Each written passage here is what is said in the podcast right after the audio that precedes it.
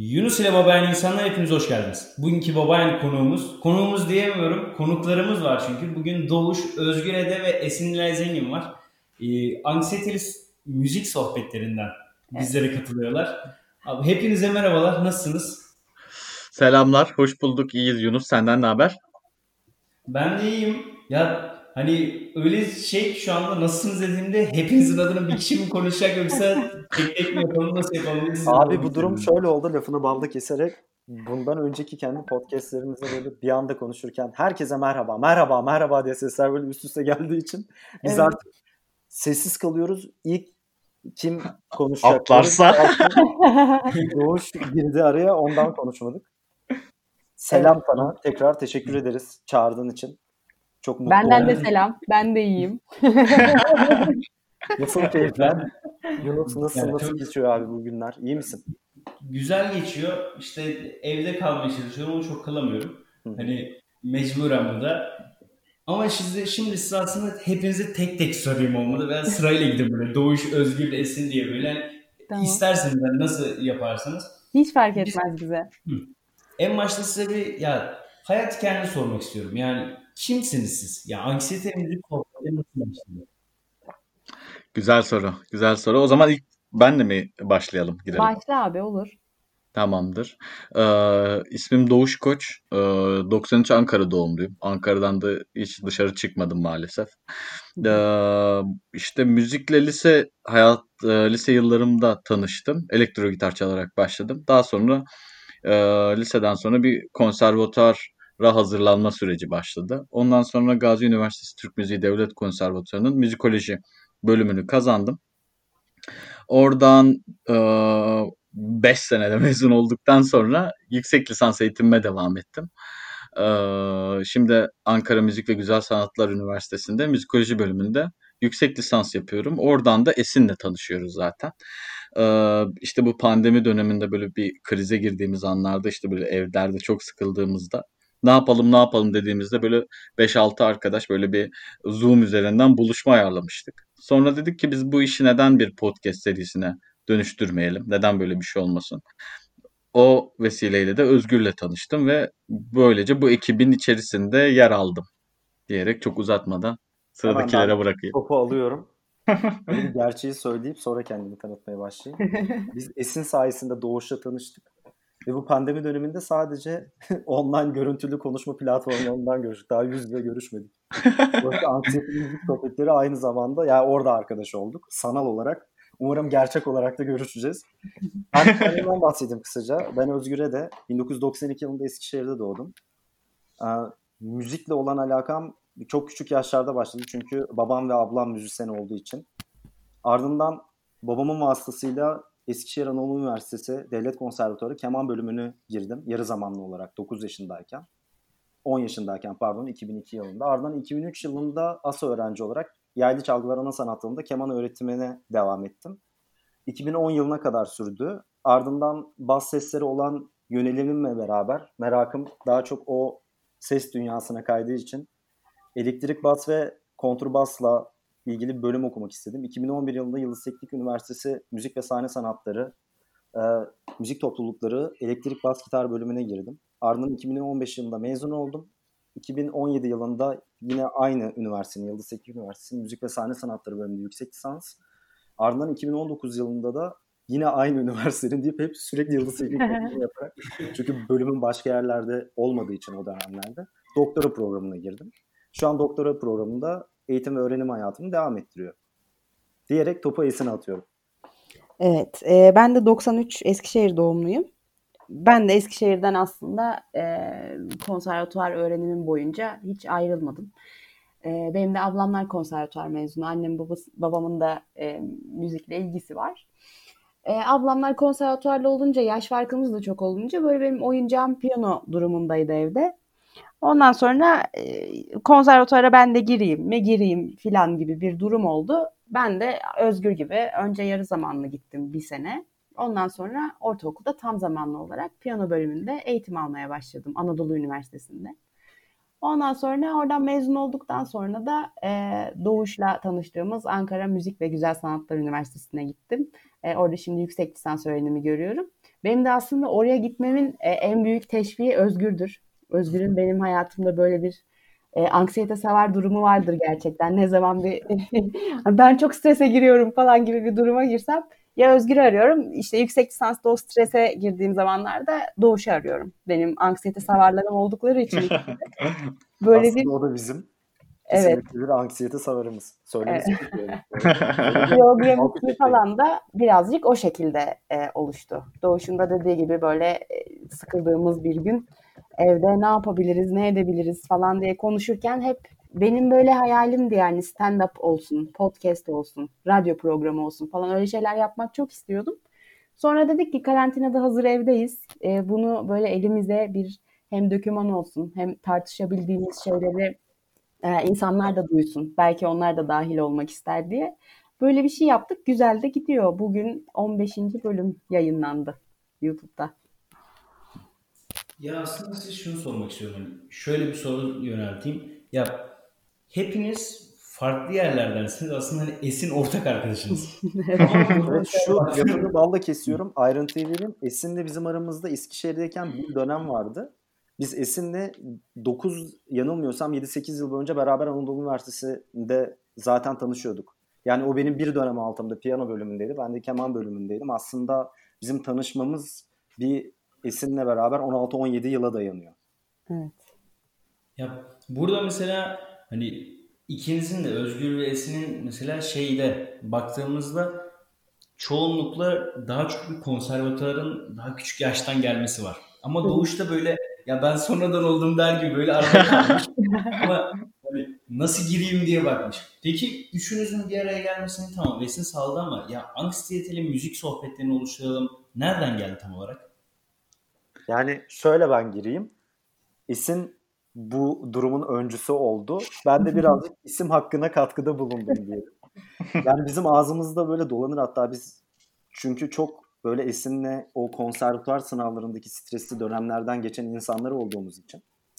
O dönemlerde sınav öncelerinde olan büyük anksiyeteler, işte yoğun verilen eğitimin tabii ki iyi yanları var ama bir dakikadan sonra insan gerçekten stresli zamanlara giriyor o sınavlardan öncesinde. Çünkü diğer e, sözel veya matematik bölümlerindeki insanların da kesinlikle anksiyeteleri, stresleri vardır ama şimdi kalem kağıtla yapılan bir sınav Vın heyecanıyla bence enstrüman çalınan bir o anda konser verilen ve o güne göre bir anda değişebilecek bir sınav vermenin heyecanı bir değil gibi geliyor bana.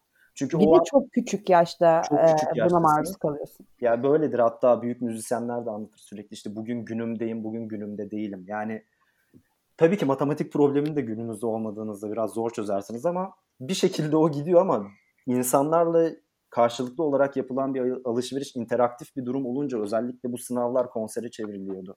İşte lise 4 mezuniyeti konservatuarda benim de öyle mesela. Benim hı hı. öyleydi. Kemandan mezun olurken. Böyle e, halka açık sınav yapılırdı. Hem sınavdasınız hem sizi dinlemeye konser gibi insanlar geliyor. Ya bunların anksiyeteleri, stresleri çok büyük oluyordu. Biz de o dönemler Esin'le hep konuşurduk. Ne yapacağız, ne edeceğiz? İşte eyvah sınava bir hafta kaldı. İşte e, kasılıp kalırsam ya bir hata yaparsam yani işlem hatası gibi bir şey de değil. Yani bir anda Telafi hata yaparsanız yani. o heyecanla aylarınızı verdiğiniz, ortaya çıkardığınız ürün bir anda o sınavda e, istediğiniz gibi ortaya çıkmayabiliyor. İşte bu stres yönetimini yapmak derken, bu korkular derken böyle okunmuş pirinçle bile sınava giren insanları gördükten sonra anksiyete dilimize dolandı. İşte konuşuyoruz o olsun bu olsun. Sonra Doğuş'la tanıştık. İşte onlar da zaten müzikologluk adayı ikisi de. Ben de müzik ve sahne sanatlarındayım. Akademisyen olma yolundayız yani üçümüz de öyle özetleyeyim. Dedim ki ya bizim hayatımızın ayrılmaz bir parçası anksiyete. Neden abi anksiyeteli müzik sohbetleri yapmayalım dedik üçümüz. Sonra böyle hatta birbirimize anks haber falan diyorduk. Öyle geyik de yapıyorduk yani. Stresli olduğumuz için. Öyle ortaya çıktı çok da mutluyuz. Yani kendi bizim adımıza konuşuyorum ama öyle hissediyorum evet. yani. Ben kendi adıma çok mutluyum böyle bir oluşumun içerisinde olduğumuz için. Öyle diyebilirim. Evet. Katılıyoruz biz de. Teşekkürler. Ya katılıyorum deseniz anksiyete Şimdi baktığımda mesela anksiyete müzik sohbetlerinin reklamları Instagram üzerinden ben de Oranda diye bir Instagram sayfasından gördüm. Evet. Bu size mi yoksa hani nedir bu ajans mı? Tam olarak ne yani oranda? E, bu şöyle, benim eşim ve en yakın arkadaşımın e, zamanında seslendirme firmalarında çalışması, film setlerinde çalışması e, gibi durumlar söz konusuydu. Biz tanışmazken. Yani onlar bayağı 16-17 yaşlarında başlamışlar. E, bir de eski e, bu rockstarlar e, tayfasından geliyorlar. E, en yakın arkadaşım Koray o menajerlik yapmış ve işte dizi setlerinde, film setlerinde çalışmış. E, Oktay da seslendirme üzerine işte bumculuk da yapmış, e, ses kayıt teknolojileri vesaire. E, ikisinin de eğitimi bu olmamasına rağmen e, hep böyle şeylerin içerisinde bulundukları için biz bir araya geldiğimizde sürekli şey konuşuluyordu. Ya elimizde ekipman da var ama bizim bir şey yapmamız lazım. Ya bir de şöyle oluyor. E, şimdi herkes bir şey çalabiliyor etrafımızda. Herkes işte e, az buçuk ses kayıt teknolojilerinden haberdar falan ama bir şeyler çıkartmak e, bir böyle itici güç olması gerekiyor yani. Nasılsa elimizin altında diye birazcık aslında kulağımızın üstünde yattığımız bir dönem oldu. Sonra dedik ki ya bu kadar ekipman var, e, mekan da var. Yani bunu kullanabilir miyiz? Ondan sonra dedik ki e, Cemre diye e, çok yakın bir arkadaşımız var. E, Cemre de solist. E, önce dedik onun videolarını çekelim. Hatta Özgür de çaldı e, Cemre'ye sağ olsun. Ondan sonra onun videolarını çekerek e, bunu yapabiliyor muyuz, kotarabiliyor muyuz falan filan gibi birazcık YouTube'a Orenda Medya üzerinden bir şeyler yüklemeye başlamıştık. Ondan sonra birçok arkadaşımızın öyle e, videosunu çektik. Onları yayınladık. Her hafta koyuyoruz Orenda Medya üzerinden YouTube'a. Ondan sonra bu karantina süresinde tabii ki e, arkadaşlarla bir araya gelemeyip yeni e, videolar da koyamayınca podcast mevzusu da aslında birazcık bizim dönüştürdüğümüz hem istediğimiz ama zamanı güzel denk gelen bir şey oldu. E, o yüzden onu da Oranda Medya üzerinden devam ettirdik ama Spotify'da Anksiyeteli Müzik Sohbetleri ismiyle e, yayınlıyoruz. Peki yani hepiniz kaç yaşındasınız? Yani çünkü yani hepiniz aslında hala bir eğitim öğretime devam ediyorsunuz aslında baktığımızda. Bu eğitim öğretim özellikle konservatuvar olduğunda sizce kaç yaşa kadar ilerlemeli veya ya sınırı yoktur, müzik daima üniversitede her yerde öğrenilir kafasında bir nokta mı var? Hmm. Yani şöyle ben gireyim araya. Şimdi ben iki farklı okul türünde müzik adını öğrenim gördüğüm için e, girdim lafa. İşte size bahsettim az önce de. Bir 9-10 yıllık keman öğrenimi konservatuvarda geçmişim oldu. Ben şanslıyım yani Esin de şanslı. Doğuş da tabii ki şanslı. Yani ailenin içinde müziğe doğduğunuzda oraya yönlendirilmeniz e, bu bakımla alakalı bir avantaj oluyor. Bu yaşta girmeniz.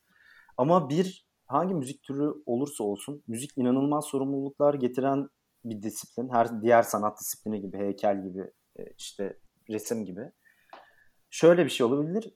4 yıllık bir program da okudum dediğim gibi. Hatta o programın işte devamını okuyorum şu an Yıldız Teknik Üniversitesi'nde. Orada ben caz müzik türüyle ilgili eğitim aldım. Diğerinde klasik batı müziğiyle ilgili eğitim aldım.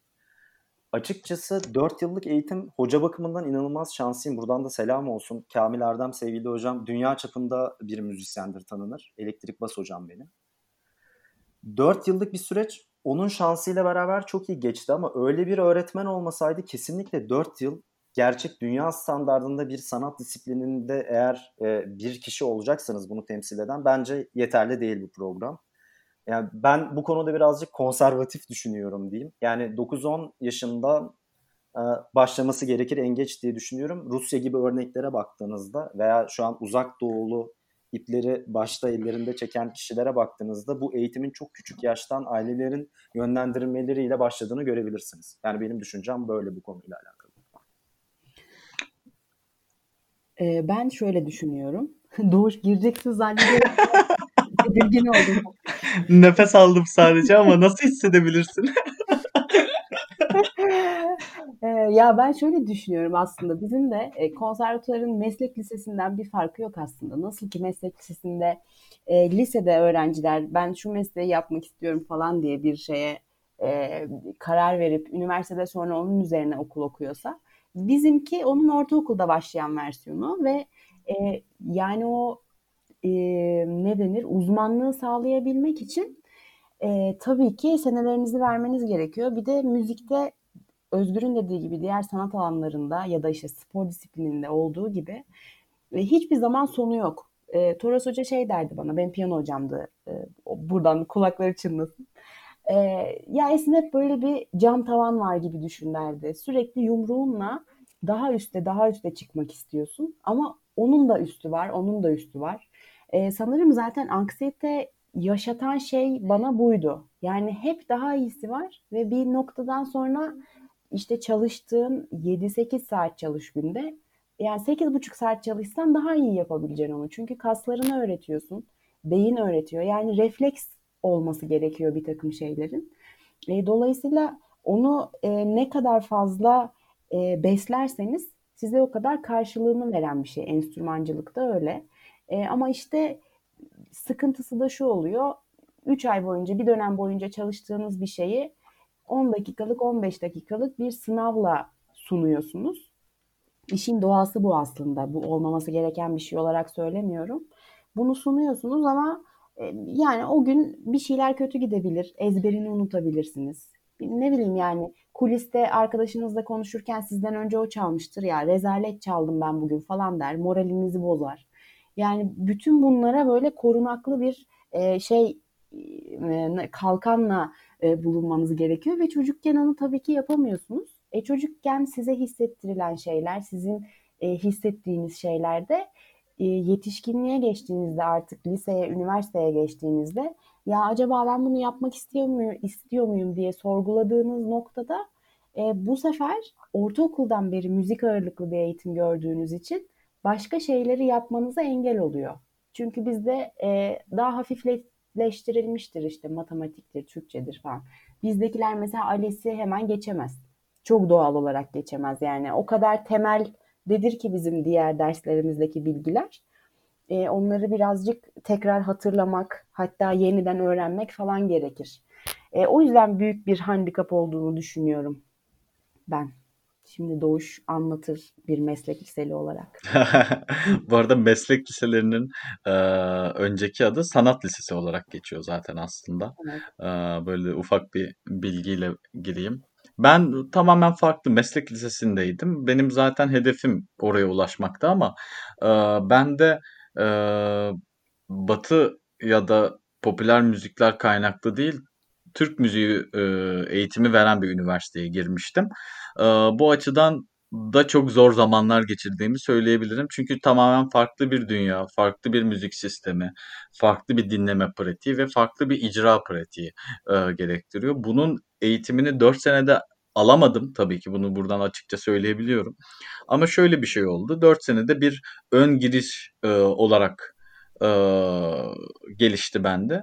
Ki e, ağırlıklı olarak e, işte icra derslerinin yanı sıra ağırlıklı olarak müzikoloji bölümü olduğum için e, müzik ve bilimin kesiştiği noktalara da çok e, bakıyor bakıyorduk bizim bölümde. E, ama bu alanlar çok geniş olduğu için böyle hepsinden işte bir parmak bal kadar e, görebiliyorsunuz ama oysa ki hepsi ayrı bir deryadayız. İşte ses fiziği dersi görüyorsunuz. Aslında bir ömür boyu baksanız yine tam olarak biliyorum demenin çok zor olduğu bir bölüm. İşte bir dönem ses fiziği görüyorsunuz. Bir dönem müzik terapi görüyorsunuz. İşte bilmem kaç dönem etli müzikoloji dersleri görüyorsunuz. Bunun müzikolojiye girişi var. İşte müzik ve bilimin nasıl kesiştiğiyle alakalı e, kuramsal dersler var.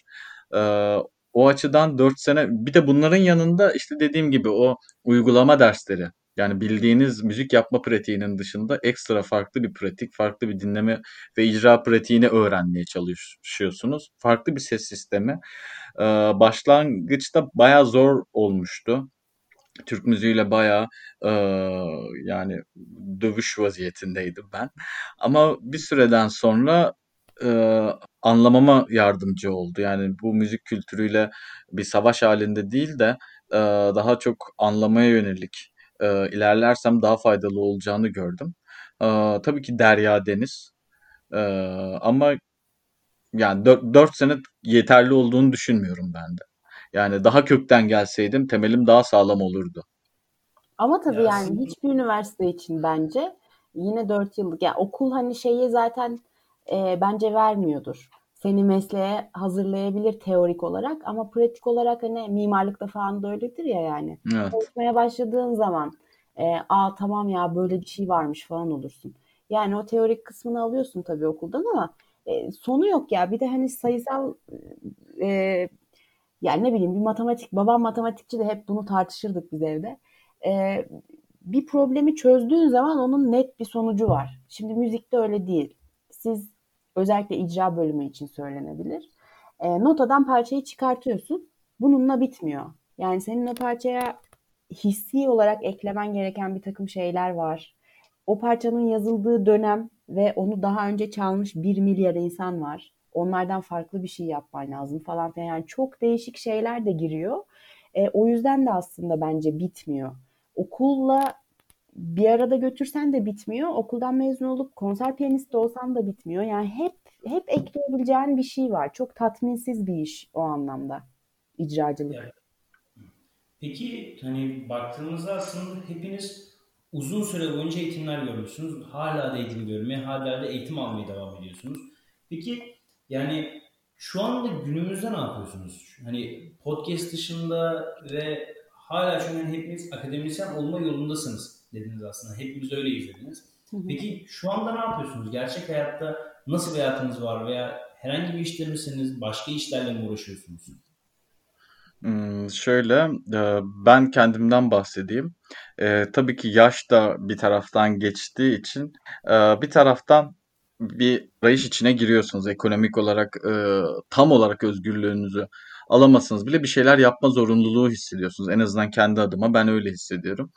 E, bu işte bir süre e, üniversite yıllarında piyasada çalma, akşam ekstralara gitme e, gibi şeylerken e, artık şimdi daha düzenli bir şeyler olsun isteğiyle e, ders vermeye kayıyor. Bir taraftan işte elektro gitar dersleri veriyorum öğrencilerime, klasik gitar, elektro gitar dersleri veriyorum. O taraftan devam ederken işte e, bir taraftan e, eğitime devam ediyorum.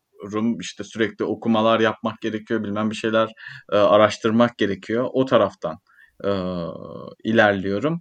E, onun dışında da başka bir şey yapmıyorum ya. Evet.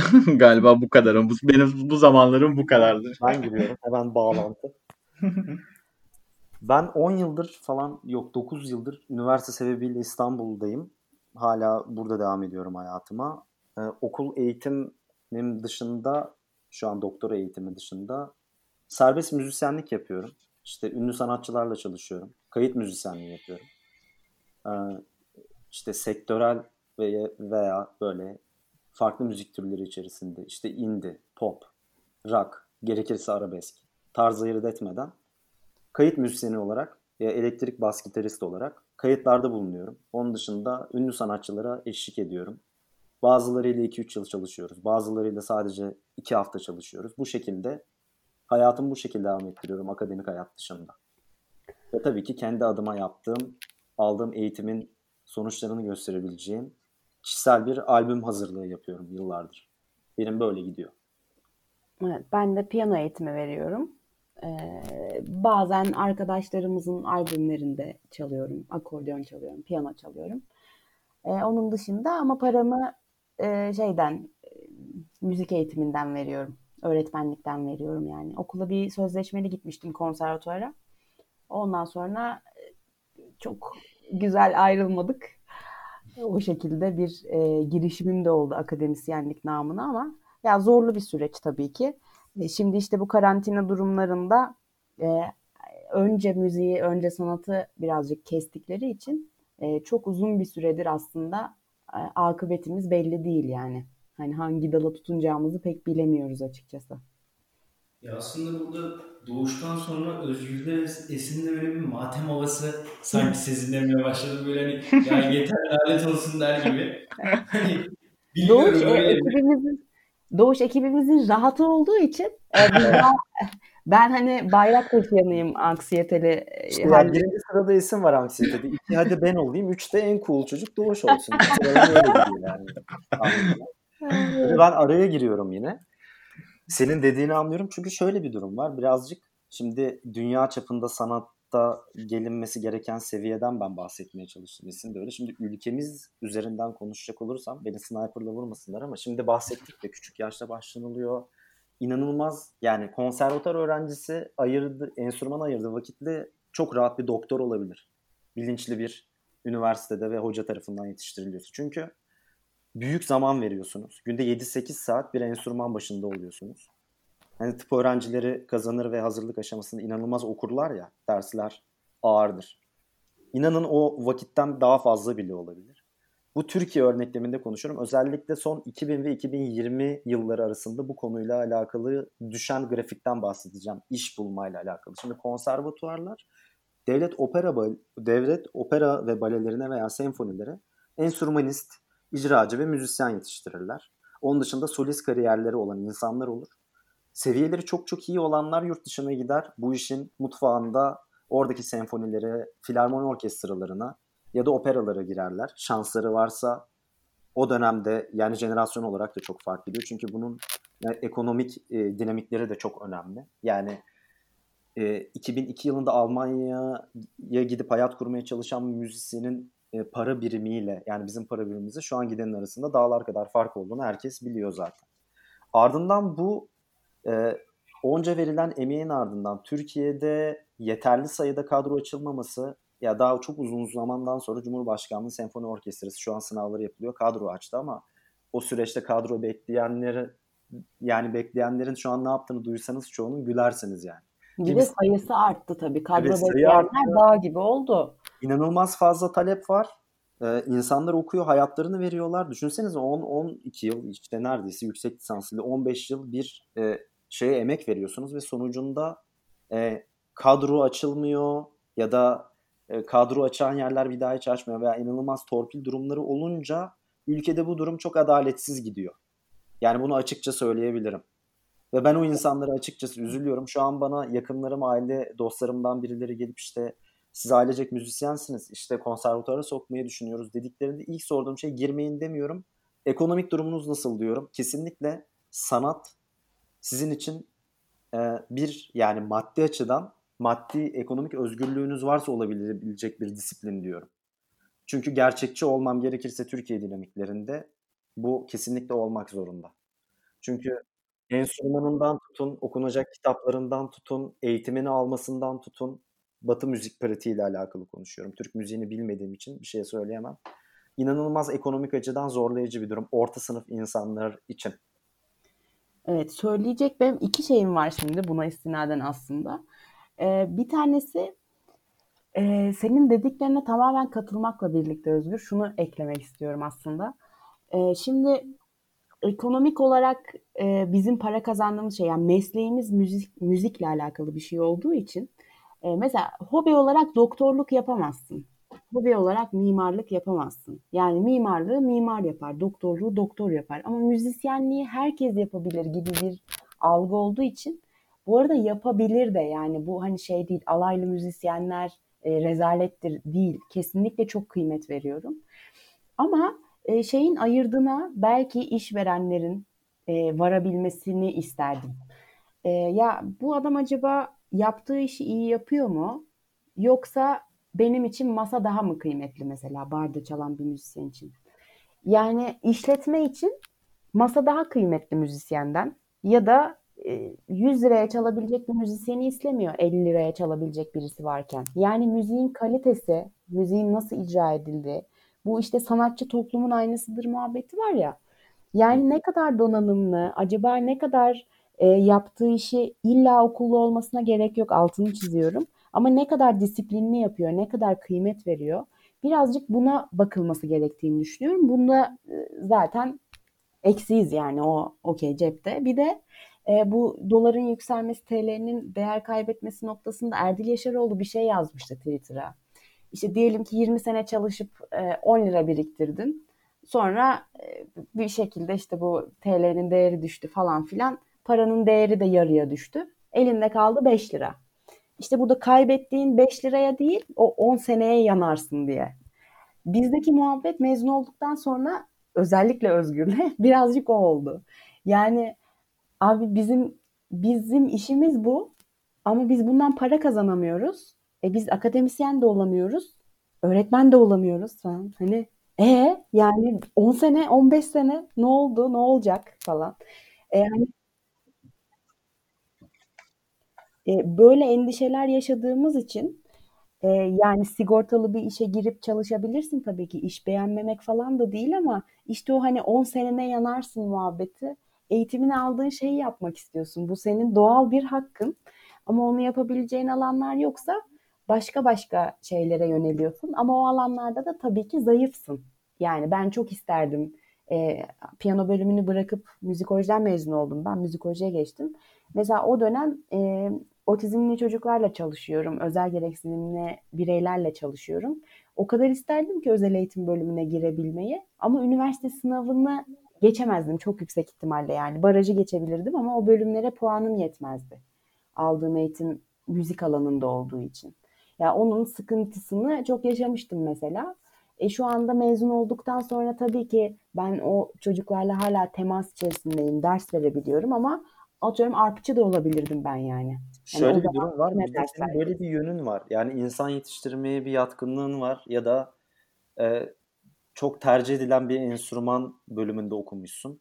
Örnek veriyorum fagot veya oboa bölümünden mezun insanlar var ve benim gibi tırnak içinde piyasada da çalamıyor. Evet. Bu okuldan mezun evet. oluyor. Ve bununla alakalı hiçbir yani sınavı hakkıyla kazanan ve e, alınmayan torpilden dolayı benim çevrem öyle insanlarla kaynıyor. Bunların örneklerini yani bunu herkes kabul eder bu arada. Bu artık bir evet. gerçek oldu Türkiye'de bununla alakalı. Normalde yani bu okulların açılmasının genel fikri çok güzel bir şey. Eski dönemlere bakıldığında. Yani Atatürk döneminden sonra ortaya konservatuvar çıkıyor. Hindemith geliyor konservatuvarı kuruyor. Önemli insanlar var. Bartok geliyor Ankara'ya, Hacettepe'ye. Ardından müthiş bir batıya dönük bir durum başlıyor. Türk kötü diye demiyorum. Ona da başlasın.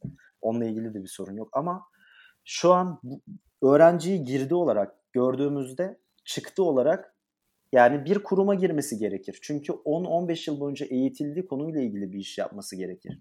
Eğitmenlik olarak eğitilmeden şimdi icracılar eğitmen olmaya çalıştığında bu sefer eğitmenlere haksızlık olur. Evet. O zaman deriz ki biz neden eğitim fakültesi var? Bu sefer deriz ki işte müzikologların, akademik kariyer yapanların önleri tıkandığında bu durumlardan dolayı bu sefer diğer icracılar akademisyen olmaya çalıştığında insanlar der ki ama biz akademisyendik siz neden bir paçayı kurtarma edasıyla benim alanıma işte e, giriyorsunuz, karışıyorsunuz gibi bir izlenim oluyor. Şu an işler çok karıştı çünkü bununla alakalı e, hatta benim kendi ablamın yüksek lisans tezi işte konservatuar sonrası işsiz öğrenciler, insanlarla alakalıydı. Bunlarla alakalı Türkiye'de birçok konservatuarla anket yaptı. Oradaki grafiksel verileri gördüğümde o dönem bile korkmuştum. Ya şu an gördüğümde ya bu durum hiç iç açıcı değil. Ben şu an çok negatif konuşuyorum ama gerçekleri burada söylemek çok önemli. Çünkü insanlar çocuklarını bu gerçek ülke şartlarına göre görerek ona göre farkında olarak yetiştirsin isterim. Ya aslında burada hani ana temel olan şey size hani konuşmalarınıza baktığımızda ya müzisyenlik aslında okuyanlar çok okumayanlar daha çok para kazanıyor. Yani müzisyenlikte, müzikolojide hani birçok alanda.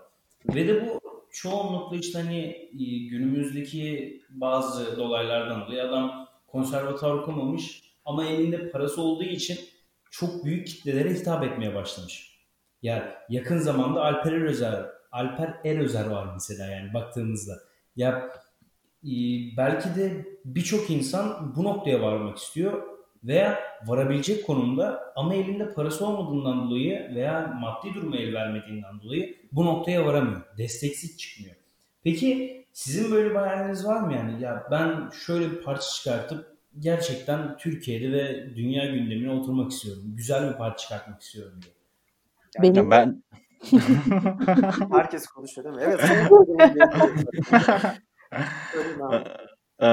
ben gireceğim ilk gireceğim böyle emri vaki oldu biraz ama çok kısa benimki. Yani bilmiyorum bence her e, birçok gitaristin her, her deyip hepsini genellemeyeceğim ama böyle kendi kendine tıngırdattığı, kendisine güzel gelen ufak e, şeyler vardır. Benim de var öyle şeylerim ama bunları e, yapmak istediğim şey hani evimde oturayım kaydedeyim, kendi MP3'ümü atayım oradan işte oradan dinleyeyim falan. Öyle bir e, patlayayım gideyim ya da bir şey mevzusu yok. Sadece kaydedip çıkan sonucu görmek istiyorum. Bu kadar. O Ya böyle şey popülarite Allah pardon. E, popülarite ile birazcık aslında e, sanırım bağlantılı sorduğun şey. Ya ben Hmm. hiçbir zaman insanlar beni fark etsin istemediğim için solistlik de bana göre değildi yani. Ben böyle sınıfta da mümkünse hoca beni görmesin falan gibi bir tip olduğum için e, öyle bir iddiam ve isteğim yok hiçbir zaman. Sadece böyle keyif aldığım şeylerin Doğuş'un dediği gibi yani işte evde bir şey yaparken ya da podcast mevzusu. Yani biz bunu ünlü olalım birileri bizi duysun olarak değil ama ekip işinden ben daha fazla keyif alıyorum.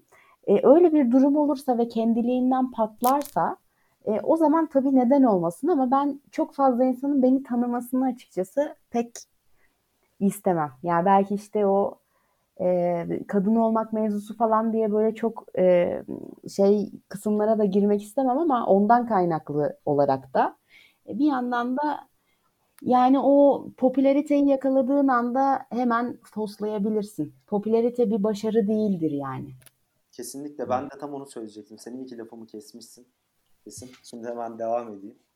Şimdi popüler ve gerçekten iyi ya da mükemmel veya gerçek bir işte sanat yapıtı ortaya koydu, koy, koydu kavramları birbirinden çok ayrı kavramlar.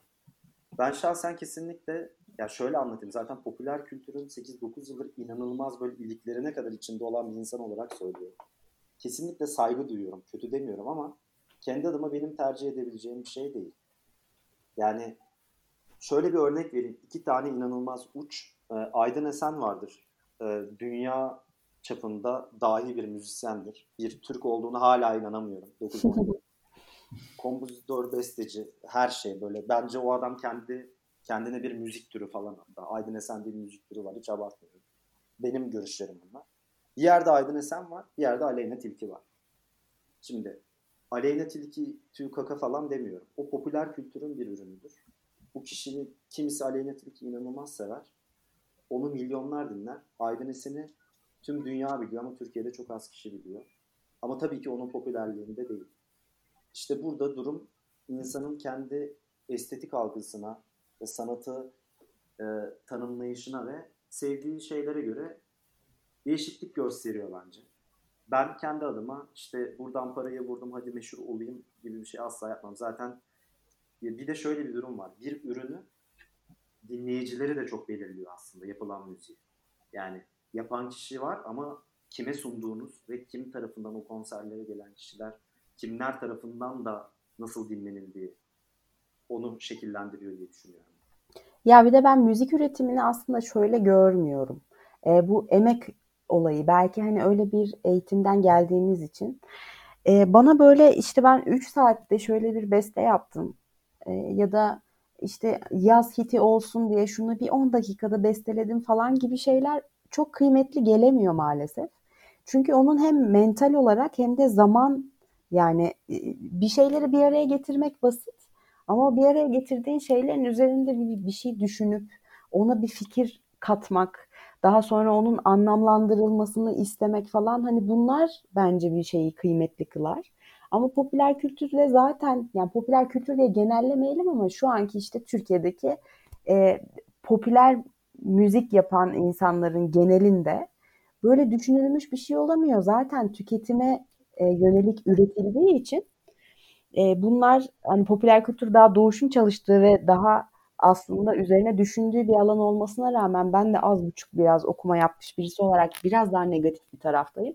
Ama tabii ki bütün genellemelerin yanlış olmasına da e, kabul ederek e, özellikle Türkiye'deki şu anda popüler olsun diye üretilen her şeyin zaten tüketime hizmet ettiğini düşünüyorum. Ve bu emeğin e, basitleştirilir olması zaten bence o az önce anlattığım işte mekan sahibinin mekan sahibinin gözünde müzisyenin masadan daha değersiz olması durumunu da bence açıklar nitelikte.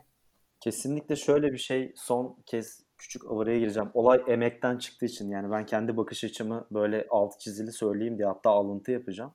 Yani ben ortaya çıkarılan üründeki bu arada şunu da karıştırmayalım. Yani pop müzik kötü demiyorum. Dünyada inanılmaz güzel örnekleri var. Tabii. Yani pop müzik, Bruno Mars kötü bir pop müzik asla değil. İnanılmaz beğeniyorum. Şöyle e, ünlü Üstad Neşet Ertaş'ın bir lafı vardır. Bu dünyada hiçbir şey bizim değil, verdiğimiz emek bizimdir der sadece. Bu laf benim zaten odamda falan asılıdır. Yani ben bu taraftan bakmaya çalışıyorum ve buna göre mukayese ediyorum olan şeyleri kafamda. Öyle açıklayayım ki iyice bir çerçeveye otursun.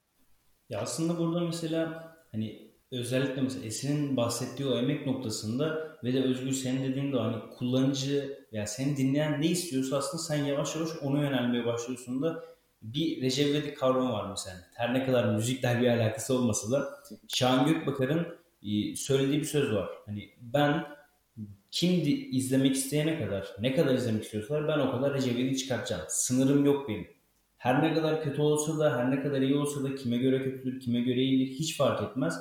Eğer ki bunu 7 milyon 8 milyon her çıktığında rekor kıran bir izlenme sayısına oluşuyorsa ben bunu yaparım. Niye yapmayayım abi diye. Hani bir şey var aslında hani yani bu kötü diyenlere bir sistem var. Aslında sizin burada dediğinizde de o popüler kültür kavramı Türkiye'de çok yaygınlaşmış durumda. Çünkü insanlar ne yapıyorsa çoğunlukla yavaş yavaş aynılaşmaya başlıyor. Mesela diyelim ki Esin bir müzik çıkarttı, yeni bir müzik türü veya yeni bir e, parodi kafasında bir şey çıkarttı. Bu tuttuktan sonra Özgür de onu yapıyor, Yunus da onu yapıyor, Doğuş da onu yapıyor. Tabii. Belli bir noktadan sonra Türkiye tek bir gündem üzerine çekilmiş oluyor. Bu da aslında bizim o popüler kültür dediğimiz noktada bizi biraz daha matem havasına sürüklüyor. Ve de biz programda böyle o kadar çok matem havasına girdik ki böyle bir yavaş yavaş hepimiz yavaş yavaş kendimizi mezara gömmeye başlıyoruz. Biraz böyle bir daha bir heyecanlı bir noktaya varayım. Peki ya e, siz de mesela yavaş yavaş aslında dinlenmeye başlıyorsunuz. Podcast noktasında yavaş yavaş duyulmaya başladınız. Ben de sizi Instagram'da keşfetinde gördüm aslında baktığınızda. Peki ileride ya abi ben akademisyen olduktan sonra podcast'i bırakırım kafasında bir şeyiniz var mı? Ya bu podcast benim için boş boş konuşuyorum burada hiçbir sıkıntı yok. Çünkü ben tamamen öyleyim. Yani burada hani konuşmayı sevdiğimden dolayı podcast yapıyorum. Sizde de böyle bir hava mı var?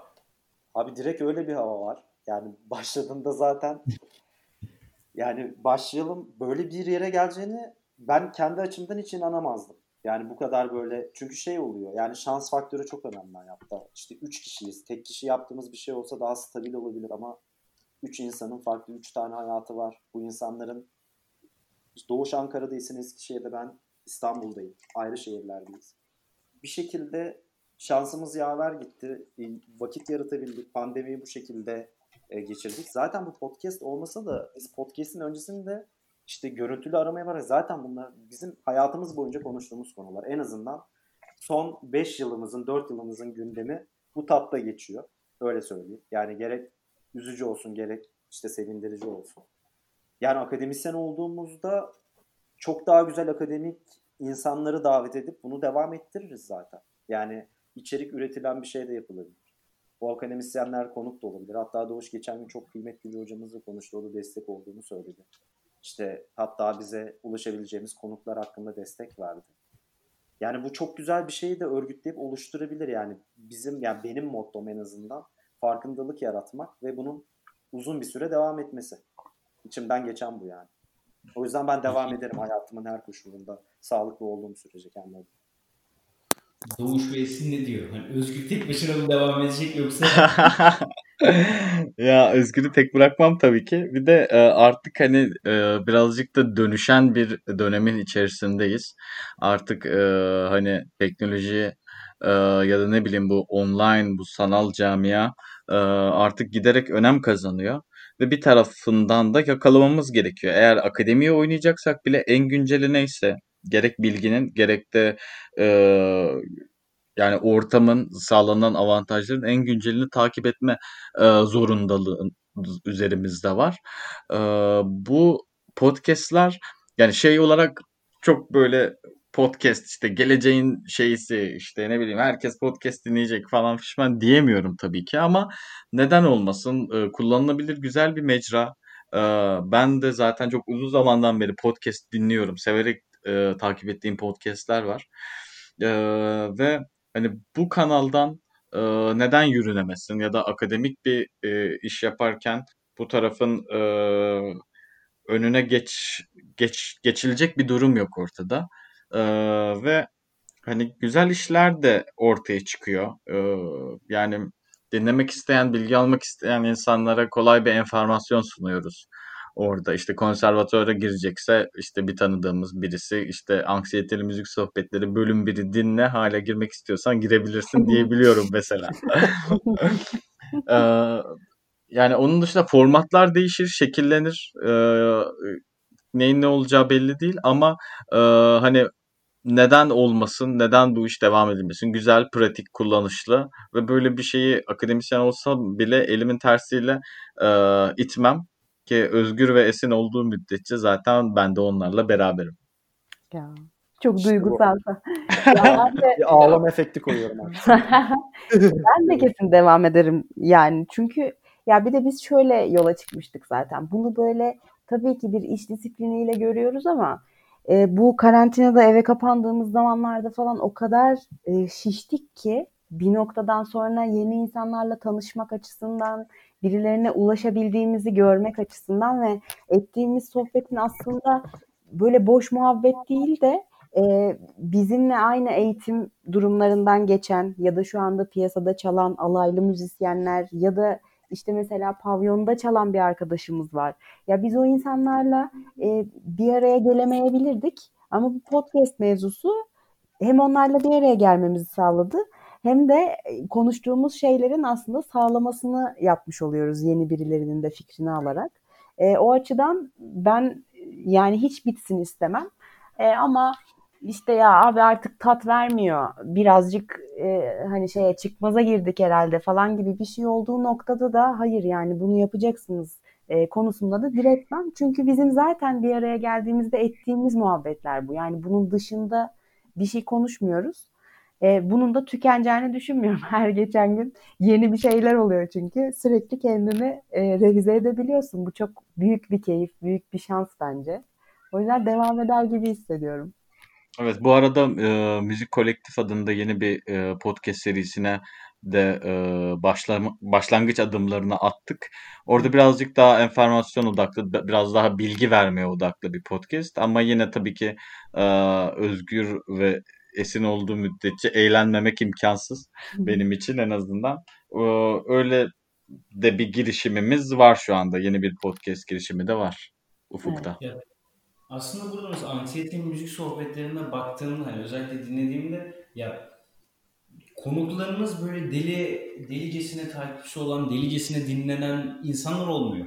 Hı hı. Burada aslında hem konuklarınızın bir daha çok mütevaziliği oluyor. Çünkü her ne olursa olsun tamam belki kitlesi güzel olabilir veya dinleyici sayısı kendisi için okey olabilir ama baktığımızda bir işte hani Aleyna Tilki örneğinden gidersek hani o civarda bir dinleme sayılarına ulaşmış kişi görmedim yanlış hatırlamıyorsam yani. Yok yok tabii, evet. Tabii. Yok yok. Peki bu özel bir seçim mi yoksa hani ya abi kimi buluyorsak hani kimi böyle daha çok müzisyen noktasında buluyorsak onu getiriyoruz kafasında bir şey miydi?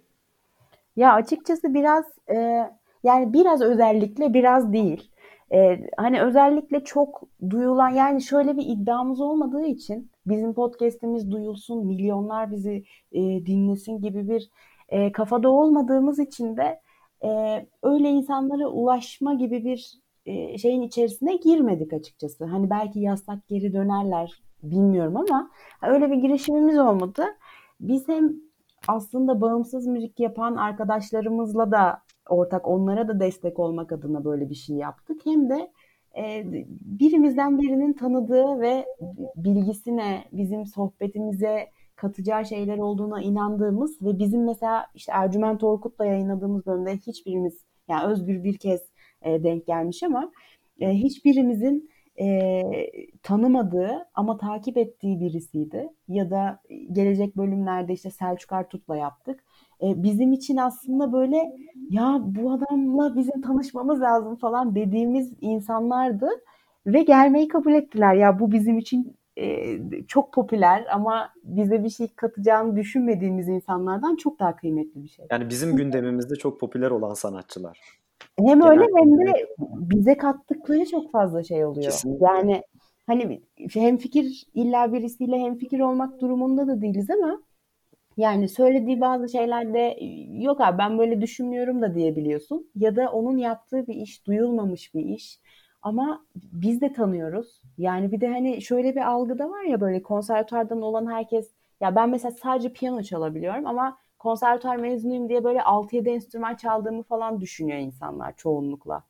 E şimdi öyle bir durum yok ki ya. Müzikolojide de tabii dallı budaklı bölümler var falan filan ama biz genelde bir tanesinde uzmanlaşıyoruz. Ama bizim konuk aldığımız insanlar çok farklı farklı alanlardan kendilerini beslemiş insanlar olduğu için bize çok iyi geliyor. Kesinlikle bu Açıkçası en birazcık güzel yanı da o. evet bunu gözettik yani. Hani insan seçme gibi tabii ki değil ama ya acaba yasak gelir mi falan dediğimiz insanlara da zaten ulaştık. Ya peki mesela şey oldu mu hiç? Hani podcast'a başladıktan sonra belli bir de dinlenme sayısına ve de güzel bir hani takipçi ulaştıktan sonra size oturup böyle daha çok fazla daha yeni yeni müzik yapmaya başlayanlardan böyle abi abla lütfen bizi de alın diye böyle yazanlar veya böyle lütfen beni de bir podcast'e konuk edin de iki sohbet iki kelime diyeyim diyenler oldu mu yani? Ya şu anda olmadı. Şeyin sayfanın takibini ben yaptığım için e, birazcık bodoslama girdim. Olmadı ama böyle bazen e, işte her gönderdiğimiz şeyin altına yorum yapan ya da onları beğenen tiplerden sanki ufak sinyaller alıyor gibiyim. Biraz sayfalarına girdiğimde de böyle e, kendi kendine bir şeyler yapmaya çalışan o heyecanı falan görüyorum. Onu kendi aramızda da konuşuyoruz da neden olmasın yani öyle birileri geldiği zaman da bizim için e, mutluluk verici bir şey olur. Bir yarar Evet. dokunursa onlara. Evet, onlara birazcık gözü, görünürlük kazandırabilirsek ne mutlu. Çünkü atıyorum e, geçenlerde Spotify'da bilmem kaç milyar tane, milyon tane şarkı var ve bu şarkıların birçoğu dinlenilmeden orada bir yerlerde duruyor. Yani bir şeyler keşfetmek eğer bir PR'ınız yoksa gerçekten zor. Ha bu tabii ki bir tek anksiyeteli müzik sohbetleriyle olacak bir şey değil ama işte görünürlüğünü onun arttırırsak e, ne mutlu bize. Belki oradan bir tane fan çıkar ona ve gerçekten yaptığı işi e, severek takip eder. Evet. Yani aslında ben size artık yavaş yavaş şunları da sormak istiyorum. Yani tekil sorulara geçelim. Çünkü çoğunlukla artık toplu sorulardaydık. İşte podcast nedir, o nedir, nedir. Şimdi doğuştan başlayarak ve önce hanımlar gerekesinden başlayayım. Hatta orada doğuş düşünmeye başlasın. Ya e, Esin sana şunu sormak istiyorum. Gerçek hayatta kendi özbenliğinde her şey geçtikten, geçtikten sonra müziği, hayatını işte arkadaşlarını geçtikten sonra Esin Nilay Zengin kendi içinde kim? Ha, bunu benim yanıtlamam ama sanki çok da doğru olmaz yani. Beni çok tanıyan birileri yanıtlasa daha Ama, mı? ama bu biraz kaçma oluyor sorudan. Ya ne bileyim ben böyle şey bir tip olduğum için e, hadi anket yapıyorum falan işte Doğuşlar Özgür bilecektir. E, anket yapıyorum. Şimdi benimle ilgili düşündüğün iyi şeyler ve kötü şeyler falan diye sürekli insanlara sorduğum için. E, yani onu e, ben açıkçası sadece e, hedeflediğim şeyi söyleyebilirim. E, tek hedefim iyi insan olmak. Ama bu böyle şey hani çok genel ya çok klişe olarak değil. Gerçekten iyi insan olmanın üzerine düşünüyorum. Nasıl daha iyi olabilirim? Ne yaparsam birilerini kırmam ve ben de kırılmam noktasında. Yani hedeflediğim şeyden bahsedebilirim. Umarım olabilmişimdir. Etrafımdaki insanlar beni öyle görüyordur. Ama hedeflediğim tek şey yani o şeyin Aristoteles'in bir sözü var aslında mottomo diyebilirim. İyiliğe gücün yetmezse de kötülük yapma diye. Tamamen bunu hedefleyerek yaşıyorum yani. Ya aslında sorduğum soru şu şekildeydi mesela. Kendi özbenliğinde sen kimsin? Yani hani evet belki özbenliğin iyi olmak istiyor. Ama mesela diyelim ki hani bir konuğum mesela şöyle cevap vermişti bu soruya. Ben her şeyden arındırıp normal dışarı çok gülen gözüksem de kendi özbenliğimde çok agresif ve çok saldırgan bir adamım demişti mesela. Yani hani bu noktada kendi özbenliğinde kimsin? Yani genellikle depresifimdir. Ama dışarıya da depresifimdir. Yani hani Neysem oyun bak pasajı. ne, gerçekten bir öyle durumum var yani. Böyle işte eve girdiğim zaman bambaşka biri oluyorum falan gibi bir durumum yok gerçekten. Nasıl hissediyorsam öyleyim yani dışarıda da. Bilmiyorum benden malzeme çıkmayacak galiba ya. Peki, peki söylesin de sonra tekrar belki aa evet bu vardı falan diye girebilirim. O zaman Özgür'le devam edelim. Çünkü Ben Joker hakkımı kullanmak istiyorum. Evet. Seyirciye sorma dedim. Abi bir daha soruyu sorar mısın? Kendi öz Ya. benliğimde ben kimim? Onu Aynen. Ya her şeyden arındıktan sonra ya müzikolojilerden, müziklerden veya işte çalıştığın ortamdan, ailenden kendi içine kapandığında sen kimsin? Abi güzel soru. Düşünüyorum. Zaman Müzik kazanıyor. falan da her şeyi çıkarıyoruz değil mi? Özümüzden bahsediyoruz yani. Kendi özünde. Abi düşünüyorum. Ya Kendi gerçekten ismim gibiyim ya. Kendi özümde özgür bir herifim bence. Öyle düşünüyorum. Yani şey beni çok korkutuyor. Kalıplaşmak kendi içimde yani. Bir şeyler kendi içimde sürekli değişiyor. Bir değişimin içindeyim. Kendimle yalnız kaldığım süreçte. Böyle açıklayabilirim kendimi. Bu kadar kısa bence seni tam olarak anlatmıyor. Ya çünkü bence Özgür'e de daha farklı bir noktada. Yani kendi içinde, kendi özbenliğinde. Daha anlatacak çok şey var gibi geliyor bana. Mesela lanet olası bir adamın falan gibi bir şey. Mi? Sana ne geliyor abi? Tanıdığım kadarıyla. Yani Evet. Aa. ne diyeyim? Ne- ne Şöyle bir şey söyleyeyim. Kendi içimde ya pozitif biri değilim ya kendi içimde galiba. Negatifim öyle söyleyeyim madem. Peki o zaman doğuşa geçelim. Bence doğuşta böyle çok patlama olacak gibi bir şey geliyor bana yani. Hani yani şimdiye kadar çok sempatiyim ama dışarıda böyle çok vurdum duymazım gibi böyle. Ee, evet ben sonu son bana gelmen iyi oldu. Biraz düşündüm. Abi ben e, özümde bir makinayım aslında. Ee, yani bunu da şuradan söylüyorum. Ee, daha öncesinden böyle değildim. Anı yaşamak üstüne ilerlerdim hep hayatta. Ama e, bazı hayatın getirileri birazcık e, beni makineleştirdi. Hoşuma gitmeyen bir özellik ama sürekli bir sonraki adımı, bir sonraki işlemi, bir sonraki unsuru düşünerek ona göre hareket ediyorum. İşte bildiğin işte matematiksel verilerle hareket etmiyorum ama ona benzer bir sistemim var. Yani işte tamam bunu yapmam lazım. Bunu yapmam için şunu yapmam lazım. Bunu işte Aa, oradan yapamıyorum. Bu elendi falan gidip böyle böyle e, hayatımı ilerletmeye çalışıyorum. E, hoşuma gitmiyor. Birazcık e, yani dışarıda çok neşeliyimdir, çok sempatiyimdir, insan ilişkilerim çok iyidir.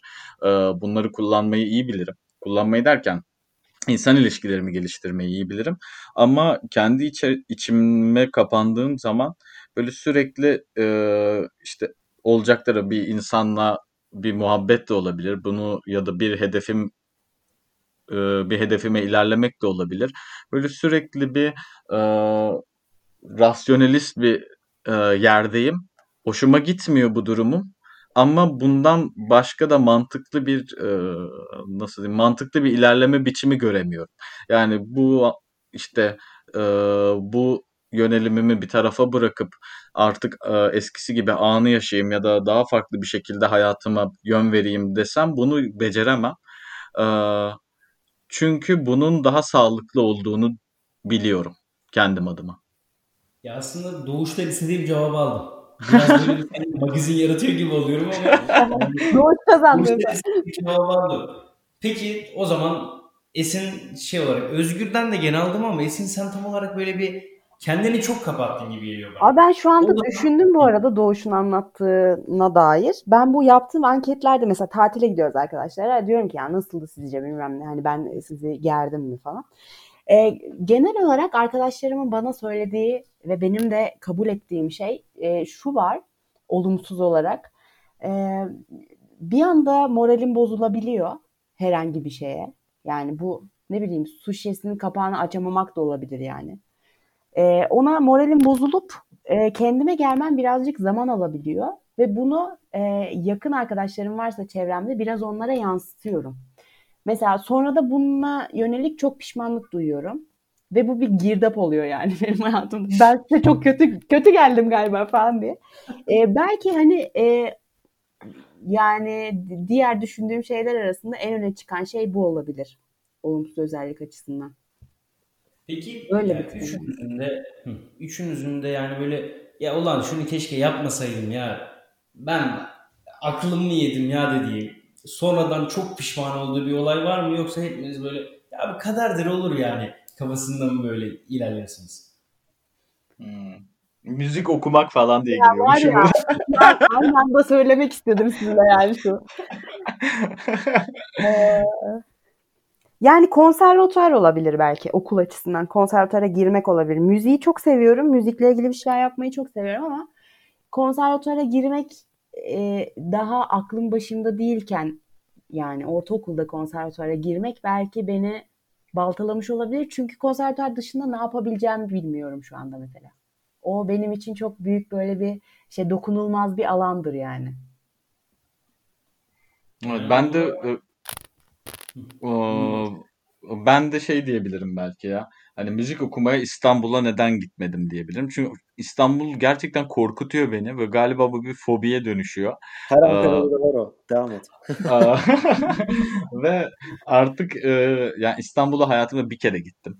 Ee, ve hani böyle gitmedikçe de böyle içimde büyüyor, büyüyor, büyüyor. Hani belki üniversitede müzik okumaya İstanbul'a gitseydim o zaman böyle olmayacaktı. Hani bu bir keşke değil. Ee, yani çok büyük bir keşke değil.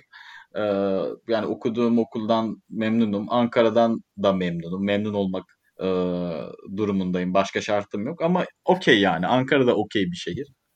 Ee, ama bu şey olabilirdi. Hani illa bir cevap verecek olsam bunu derdim. Ya Ben biliyorum. Ben Buyur mezun olur olmaz 2015'te yurt dışına gitmemek benim hayatımdaki en büyük pişmanlık. Bu net yani. Kendi adıma. Yurt dışı için mi söylüyorsun bunu? Yurt yani yurt dışına git yurt dışında yaşıyor olmak isterdim. Türkiye'de kalmak benim için en büyük pişmanlık oldu. Ama Benimki ne kadar yerel kaldı ya. Hayran ben şehre gitmedim. Ben şuraya gittim. Ben, ben böyle yani konservatuar falan temelden yani. Pardon. Ya e, aslında böyle hani mesela yabancı ülkelere baktığımızda Özgür aslında senin bu bir pişmanlık değil aslında. Hala yapabilirsin çünkü gibi geliyor bana. Ya bugün de çıksan gene hani belki o kadar genç değilsindir. Hani hala yaşlı değilsin hani bir şey demiyoruz ama hani o Yani kadar o zaman işte değilsin. 23 yaşındaydım. Şu an 28 yaşındayım. Ya çok da yaşlanmadın aslında yani. Hala gidebilirsin. Yani Ama işte o zaman var. böyle değil diye saçmalıyor değil mi? Yani şey bakımından onu geçiyorum. Yani yapılan şimdi kendi işimle alakalı ben hatta hocamla konuşmuştum bitirme sınavından sonra. Kesinlikle dene falan demişti. Ben yurt dışında iki tane sınav kazanmıştım. Biri İsviçre'de, diğeri Hollanda'da. 2017 ve 2016 yıllarında. Şey benim içime dokundu herhalde. İşte bir yerin master'ını kazandım. Sınavı kazandın dediler. Sonra açıklama yaptılar. Dediler ki sen Avrupa vatandaşı değilsin. O yüzden kontenjanı Avrupa vatandaşları olanları öncelik tanıyoruz dediler. Ben orada böyle selpak satan çocuk gibi kalmıştım. Abi orada o kadar üzülmüştüm ki. Yani onun öncesinden o sınavların öncesinde de bir yere gidip yerleşseydim hala belki yapabilirim. Ufak bir akademik işte durumla bunu sağlamaya çalışıyorum zaten. Ya şey için değil böyle beni milliyetçiler vurmasın ama e, aile bakımından çok şanslıyım. Onları özleme dışında kesinlikle gider. Yani yarın böyle bir durum var git deseler giderdim yani. Benim pişmanlığım bu yönde bu. Gerçi denedim de yani o sosyoekonomik şartlar izin vermedi ama isterdim yani. içimde kalan şey bu diyeyim yani pişmanlık demeyeyim de. O zaman aslında hepinizin böyle kendi özbenliğinizde ve pişman olduğunuz şeyleri biraz dinledik. Biraz da böyle podcast noktasında veya yaptığınız işler noktasında sizi tanıdık. Peki siz kendinizi veya işte hani çevrenizdekileri nasıl tanımlarsınız? Yani şey olarak değil, genel anlamda. Yani mesela ben derim ki abi ben bu işi yapıyorum çünkü şundan dolayı yapıyorum. Peki sizin hani aslında hepinizin ortak noktası müzik hani e, konservatuar diyebiliriz. Her ne kadar doğuş sonradan da girmiş olsa hepinizin bir şeyi var aslında. Hani konservatuarın bir ortaklığı var. Peki ya Esin mesela ki keşke konservatuara girmeseydin dışarıdan da müzikle ilgilenebilirdin. Ya siz buna inanıyor musunuz? Yani abi ben ben mesela e, kendimce sesimin güzel olduğunu düşünüyorum. Hani her Türk gencinin düşündüğü gibi neredeyse. Kendim mesela dışarıda konservatuara gitmeden, konservatuar sesini çekmeden e, kendime eğitebilir miyim? Veya sizin vardığınız bilgilere erişebilir miyim? Yani eğitim görebilirsin tabii ki dışarıdan. Ya şöyle bir araya giriyorum Esin'le beni katarak. Ee, ablalar ve ailede müzisyen sayısı fazla olunca konservatuvara gitmeden de hatta benim annem fizik öğretmeni. Yıllar boyunca mottosuydu ve ben annemi dinlemedim. O işte fizik öğretmeni olduğu için beni sayısal dersleri çalıştırıp işte git mühendis ol, doktor ol. Zaten babam müzisyen, sen her türlü müziği yaparsın. İşte bu ülkede sanata değer verilmiyor oğlum falan filan diyordu. Kadın haklıymış bunları 2002'de söylüyordu. Ben tabii 10 yaşında olduğum için anlamıyorum. yani başka bir iş yapıp hobi olarak yapmak, e, ekonomik özgürlüğümü başka bir yerden sağlayıp müzik yapmak müthiş bir şey olurdu. Ben yapabileceğimi düşünüyorum kendi adıma dışarıdan hobi olarak. Yes, Ve, ben de ekonomik özgürlük noktasında sana çok katılıyorum. Ekonomik özgür yani hani birazcık o pembe şeyleri bırakıp böyle hayal dünyasını e, birazcık hayatı geçirebilmek için yani anne olabilmek için, baba olabilmek için çocuğuna bakabileceğin bir e, para kazandığın bir yer olması lazım. Şu anda tabii ki e, birçok üniversite bölümü de böyle de e, müziği başka bir şeyle beraber götürmek çok zor profesyonel anlamda. E, ama hobi olarak yapmak demek de müziği küçümsemek anlamına gelmiyor. Yani yine profesyonel o bilgiyi, o teorik bilgiyi alabilirsin. Ama uygulama kısmında biraz eksik kalabilirsin hobi olarak yaptığında. Çünkü diğer işlere çok vakit ayıracağın için. E, hani öyle bir handikapı olur. Ama teorik olarak ne yapacağını bence dışarıdan da doğru bir hocayla e, öğrenebilirsin. Neden olmasın? Yani şu anda mesela hobi olarak bana gelen öğrencilere ben zaten konservatuarda öğrendiklerimi anlatıyorum. Yani onlar hobi olarak yapıyor ama aldıkları eğitim konservatuar eğitimi aslında. Tabii. Katılıyorum sana kesin. Ya aslında burada mesela e, vardığımız nokta elbette ki müzisyenlik çok hani e, nasıl denir üst seviyede yani üst seviyede değil de değer, değerli bir meslek. Yani müzikle uğraşmak, konservatuvar okumak benim göz hani gözümde hani konservatuvar okumuş olmanız ya çünkü ben cesaret edemedim mesela lise zamanında. Yani liseye girdiğimde acaba okusam mı dediğimde sonradan ya bir müzik okuyup konservatuvar okuyup ne yapacaksın? Kendi finansal özgürlüğünü yaratamazsın diye bir soru oluştuğu için kendimi cesaret edip girememiştim. Ama siz bunları cesaret edip böyle bir noktaya varıp girmişsiniz ve de sizi gerçekten çok kıskanıyorum yani bu noktada. Yok ya. Biz de ya, bu kararı verdiğin için seni kıskanıyoruz. ya aslında hani ya çok şey konuştum ama hani ben mesela hepinize isminizle seslendim. Çok özür dilerim ama 17 yaşındayım. Ve de e, şu anda kendi finansal özgürlüğümü yarı zamanlı olarak neredeyse mesela elde etmiş durumdayım. O da e, yavaş yavaş mesela şirket kurmaya başladık. E, iki sene önce bir şirket kurdum. Her ne kadar şu an batmış olsa da e, yeni bir şirket kurduk şimdi mesela. Aslında burada vardığımız nokta okul dışında yaptığımız şeyler. Yani evet. ne okuyorsak olalım, istersek mühendislik okuyalım, istersek konservatuvar okuyalım veya hiç fark etmez heykel sanat okuyalım. Hiç fark etmez. Burada okul dışında ne yaptığımıza bakıyoruz aslında. Okul Anladım. dışında eğer ki kendimiz mesela bir şey yapmış olsak veya bir şeye e, hayal etmiş olduğumuzda bu noktaya varıyoruz. Ki hepinizin aslında çok değerli fikirleri ve çok değerli düşünceleri var. Hani benim nezdimce. Ve de hepiniz bu konservatuar eğitimden sonra kendi finansalınızı en azından yavaş yavaş oluşturmuşsunuz ve de hala oluşturmaya devam ediyorsunuz. Umarım bu noktada ha buyur. Yok yok dinliyorum seni devam et abi. Umarım bu noktada çok daha güzel yerlere varırsınız. Aslında programı yavaş yavaş sonuna doğru geliyorum. 70. Ee, dakikaya dayandık. 80 dakikada podcast'ten daha fazla ilerletmiyor. İstersen 2 bölüm. 2 bölüm 2 bölüm ayarlarız. Hiç dert değil. Ee, sizin söylemek istedikleriniz var mı? Yani benim kendi adıma yok. Ya çok güzel bir söyleşi oldu. Çok teşekkür ederiz davet ettiğin için. Çok güzel şeylere değindik. Orada girişimciliğinden ötürü batıp çıktığın için seni tebrik ediyorum. Bu riski aldığın için. Zaten riski almayan bir girişimci olamaz. Tebrik ederim. Söyleyeceklerim bunlar benim. Bence evet. de e, yani 17 hani, yaşındasın, 20 e, yaşındasın, 50 yaşındasın yani çok hiç sıkıntılı şeyler değil. İsmimizle hitap etmem bizim için hiç sorun değil. Ben de çok keyif aldım sohbetten ve e, böyle bir e, birinin bizi konuk ettiği bir şey ilk defa oluyor bizim için de aslında o anlamda da çok özel. E, girişimciliğin noktasında da Yani tam destek öyle söyleyeyim. Şu anda yapmayacağım da ne zaman yapacaksın işte. 30 yaşında da o riski alamıyorsun zaten. Bence çok iyi bir noktadasın. Evet bu benim için de çok keyifli bir sohbet oldu. Ee, yani Esin'in de dediği gibi hem ilk e, böyle bir yere davet edilmenin böyle bir tatlı heyecanı vardı ve e, işte e, podcast'in bu bu bölümü yani ikinci bölümünde bize yönelttiğin o sorular da aslında çok güzel sorulardı. Böyle farklı bir şey kattı bana böyle farklı bir böyle gerçekten bir programa konuk olma heyecanını kattı.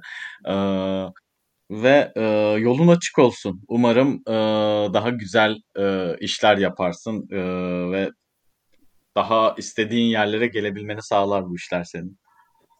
Çok sağ olun. İnşallah eğer ki buradan böyle İstanbul, İstanbul, Eskişehir, Ankara diye böyle bir yola çıkarsam hepinizin yanına tek tek uğrarım. Ha, Ne lütfen. zaman istersen gel. Çok memnun oluruz. Her zaman. Çok sağ olun. Eğer ki başka söyleyecek bir şeyiniz yoksa programı kapatacağım. Tamamdır kapatabilirsin. Teşekkür ederim. Görüşürüz. Hoşça kal. Yunus ile Babayan insanların bugünkü programının sonuna geldik. Bugünkü programımız aslında biraz matem havasında, biraz da böyle güldür havasında bir programdı. Eğer ki ileride baş konuklar istiyorsanız veya dinlemek istediğiniz konuklar varsa bana yazabilirsiniz. İyi günler.